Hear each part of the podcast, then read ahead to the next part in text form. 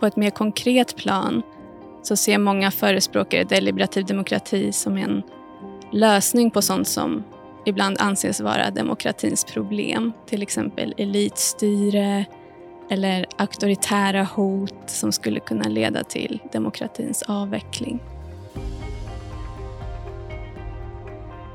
Välkommen till Begreppsbiblioteket, en podd som vrider och vänder på statsvetenskapens centrala begrepp. Idag pratar vi om deliberativ demokrati. Och det gör vi med Sore Koban som är forskare i statsvetenskap vid Institutet för bostads och urbanforskning vid Uppsala universitet. Välkommen. Tack. Jag som intervjuar heter Johan Weirid och har precis samma titel som Sore. Men du Sore är här för att du dessutom har forskat mycket om just deliberativ demokrati och dessförinnan även jobbat som kommunalbyråkrat med att i någon mån utveckla medborgarnas politiska deltagande. Ja, kanske till och med deliberativ demokrati. Men hur definierar du deliberativ demokrati, Sore? Jo, deliberativ demokrati eh, innebär att folket fattar politiska beslut genom att samtala med varandra på ett jämlikt och förnuftigt sätt. Om vi börjar med det här att säga att det, man ska ha ett jämlikt samtal. Vad, vad är det man menar med det? Ja, med det menar man att alla som är påverkade eh, av, av ett politiskt beslut ska ha samma chans att vara med i samtalet. Mm. Eh, men också att när man väl samtalar så ska alla röster få höras och respekteras. Men det, alla kommer ju inte få sin vilja igenom. Det på, utfallet kommer vara som några vill och inte som några vill. Ja, precis. Och det är där det, den förnuftiga delen eh, ja. av begreppet kommer in.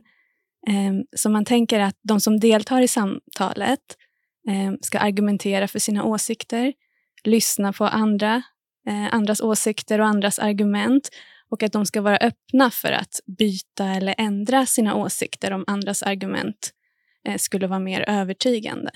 Så det är en slags uppsättning regler eller, eller ideal för hur man ska samtala och till det så kan, ska alla vara jämlikt välkomnade att vara... Ja, precis. Det är ett krävande sätt att samtala på och det kräver en del också att föreställa sig ett sånt här samtal. Eh, men sen lägger du till någonting ytterligare här i den deliberativa, demok deliberativa demokratin och det är att det här är en form för beslutsfattande. Hur, hur blir samtalet en form för beslutsfattande? Ja, det kan ske på lite olika sätt. Det behöver inte vara så att man fattar det slutgiltiga beslutet uh, under en deliberation. Men det viktiga är att, um, att i en process där ett politiskt beslut fattas um, så ska det grundas i, och förankras i och föregås av, av samtal mellan vanliga medborgare. Och det är deliberationen, det ja, precis. samtalet. Så att det, är del, det kan vara själva beslutsprocessen, att man slut, det slutar med att man vet precis vad man vill göra allihopa och det, så fattar man beslutet. Men det kan vara en liten del eller en begränsad del av en större Ja, precis. Helhet. Oftast så tänker man sig att det är de mer initiala delarna av, av, en, av en beslutsprocess där, där man har deliberation. Mm. Det här är ett ideal för ett sätt att fatta beslut på, men det är också någonting som eh, har en praktik. Vad, vad kan man säga? Vad, om man tänker sig deliberativ demokrati i praktiken, vad, vad ska man se framför sig då? Ofta tänker man på deliberativ demokrati som ett system. Mm. Eh, men ett, ett inslag eh, i ett sånt deliberativt system skulle till exempel kunna vara eh, medborgarförsamlingar Eh, och där har vi ju på senare tid sett flera klimatförsamlingar till exempel. Ehm, till exempel i Storbritannien och Frankrike där man har bjudit in ehm, ett demografiskt representativt urval av befolkningen, ungefär 100 personer, eh, som har ombetts eh, diskutera eller deliberera kring, ehm, kring klimatfrågan och komma med rekommendationer till politiskt folkvalda. Och deliberera, det är alltså att man samtalar på det här speciella sättet eller med de här speciella ja, precis. idealen. Eh, Om vi ska försöka förstå deliberativ demokrati genom att tänka på vad det inte är, eh, vad kan man kontrastera deliberativ demokrati mot? Ja, om vi vill kontrastera deliberativ demokrati mot andra demokratimodeller så kan vi till exempel kontrastera det mot aggregativ demokrati. Och Det är en typ av demokrati där folkets intressen aggregeras, alltså summeras i val, eh, men där folk i övrigt inte är så aktiva i politiken. Lite grann vanlig demokrati, ja, men, men där man benämner lite mer hur det fungerar. Ja, precis. Och, och, om man hårdrar det så skulle man kunna säga att den aggregativa demokratin behandlar politiken som en marknad och att det delvis är det som den deliberativa demokratin är, är en reaktion mot. Det är en kritik mot att man shoppar politik snarare än att utforma den tillsammans med andra. Spelar, när, man, när man kör såna här grejer, spelar, låter man det spela roll på riktigt? Finns det sådana exempel där det har varit avgörande för, för politiken som förs? Eller? Mm, det kan man nog säga är den svaga punkten för, för sådana institutioner. Eh, och det är också, de har fått mycket kritik för det. Att det handlar just om, om rekommendationer och att politiker sen eh, gör lite vad de vill med de rekommendationerna eller plockar de, de rekommendationer som de kanske redan hade tänkt genomföra innan samtalet. Eh, eller att förslagen och rekommendationerna kanske blir urvattnade. Um, så det är helt klart uh, en, en, brist um, och en utmaning. Mm. Vad, är, vad är annars syftet med deliberativ demokrati? Ja, jag skulle säga att syftet är att ge mer politiskt inflytande och makt till folket eh, och på så sätt åstadkomma mer demokratiskt legitima beslut. Um, men om man tänker mer på ett, på ett mer konkret plan så ser många förespråkare deliberativ demokrati som en lösning på sånt som ibland anses vara demokratins problem. Till exempel elitstyre eller auktoritära hot som skulle kunna leda till demokratins avveckling. De statsvetare som inte gillar deliberativ demokrati, vad är det de inte gillar? Det finns nog olika kategorier kritiker. Um, en del tycker att det är för tidskrävande mm. och ineffektivt om politiska beslut ska föregås av eller förankras i samtal. Um, andra menar att folk inte vill vara så aktiva i politiken. Uh, så varför ska vi envisas med att bjuda in mm. dem till samtal och mer mer politiskt deltagande. Men är det ett problem? Kommer, de, kommer folk när man bjuder in dem? Eh, nej. nej. De kommer...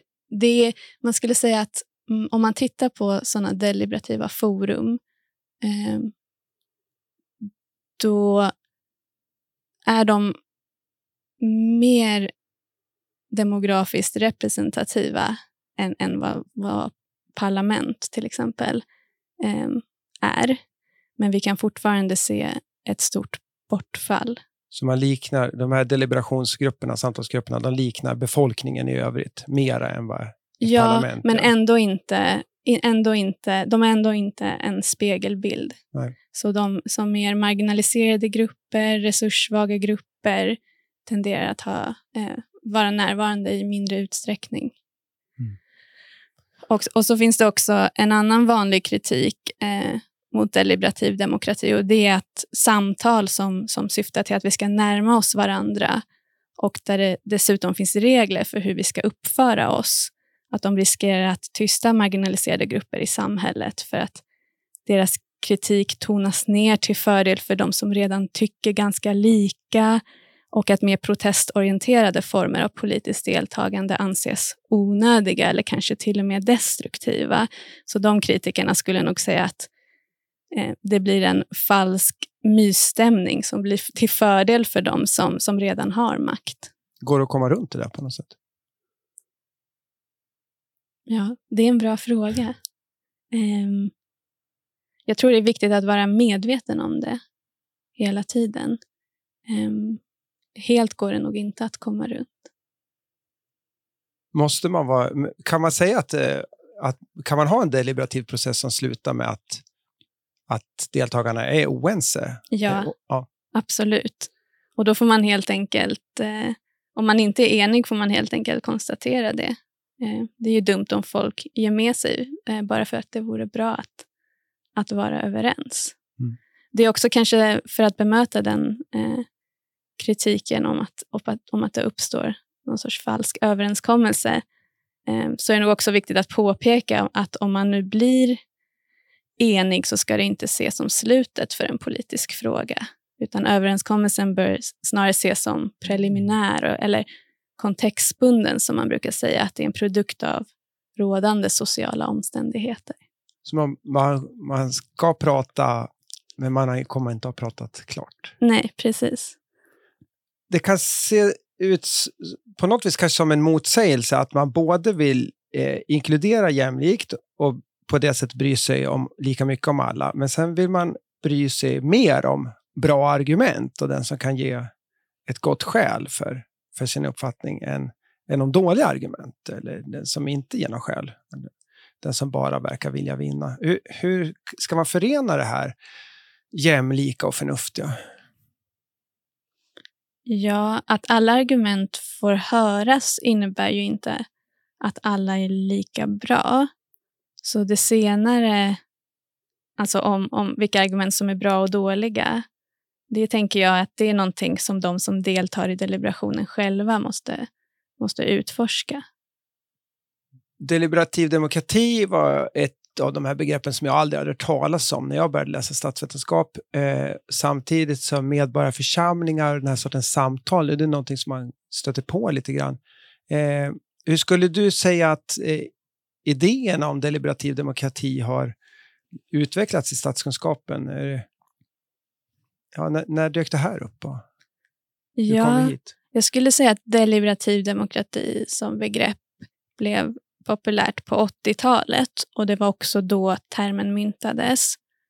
Um, och sen så har teorin fått en del kritik de senaste decennierna, vilket har lett till att den inte längre är så populär och särskilt inte bland progressiva eller kritiska teoretiker och filosofer.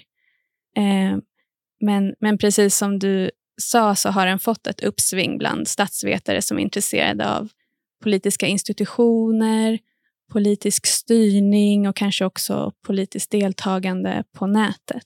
Så det har flyttat på något vis från, ja. från, ett, från ideal till praktik? Lite ja, och det är liksom lite som att det är praktiken nu som driver, eh, driver teorin framåt och, och ser till så att den fortfarande är aktuell. Ja, under rubriken Deliberativ demokrati pågår både teoretiskt och praktiskt arbete med att försöka fånga och förverkliga huvudsaken med demokrati. Eh, förverkliga politisk jämlikhet och ge makt åt det goda argumentet. Eh, det här var begreppsbiblioteket om deliberativ demokrati med doktor Sori Koban. Podden görs av Statsvetenskapliga institutionen vid Uppsala universitet och jag som intervjuade heter Johan Weiryd och är forskare i statsvetenskap.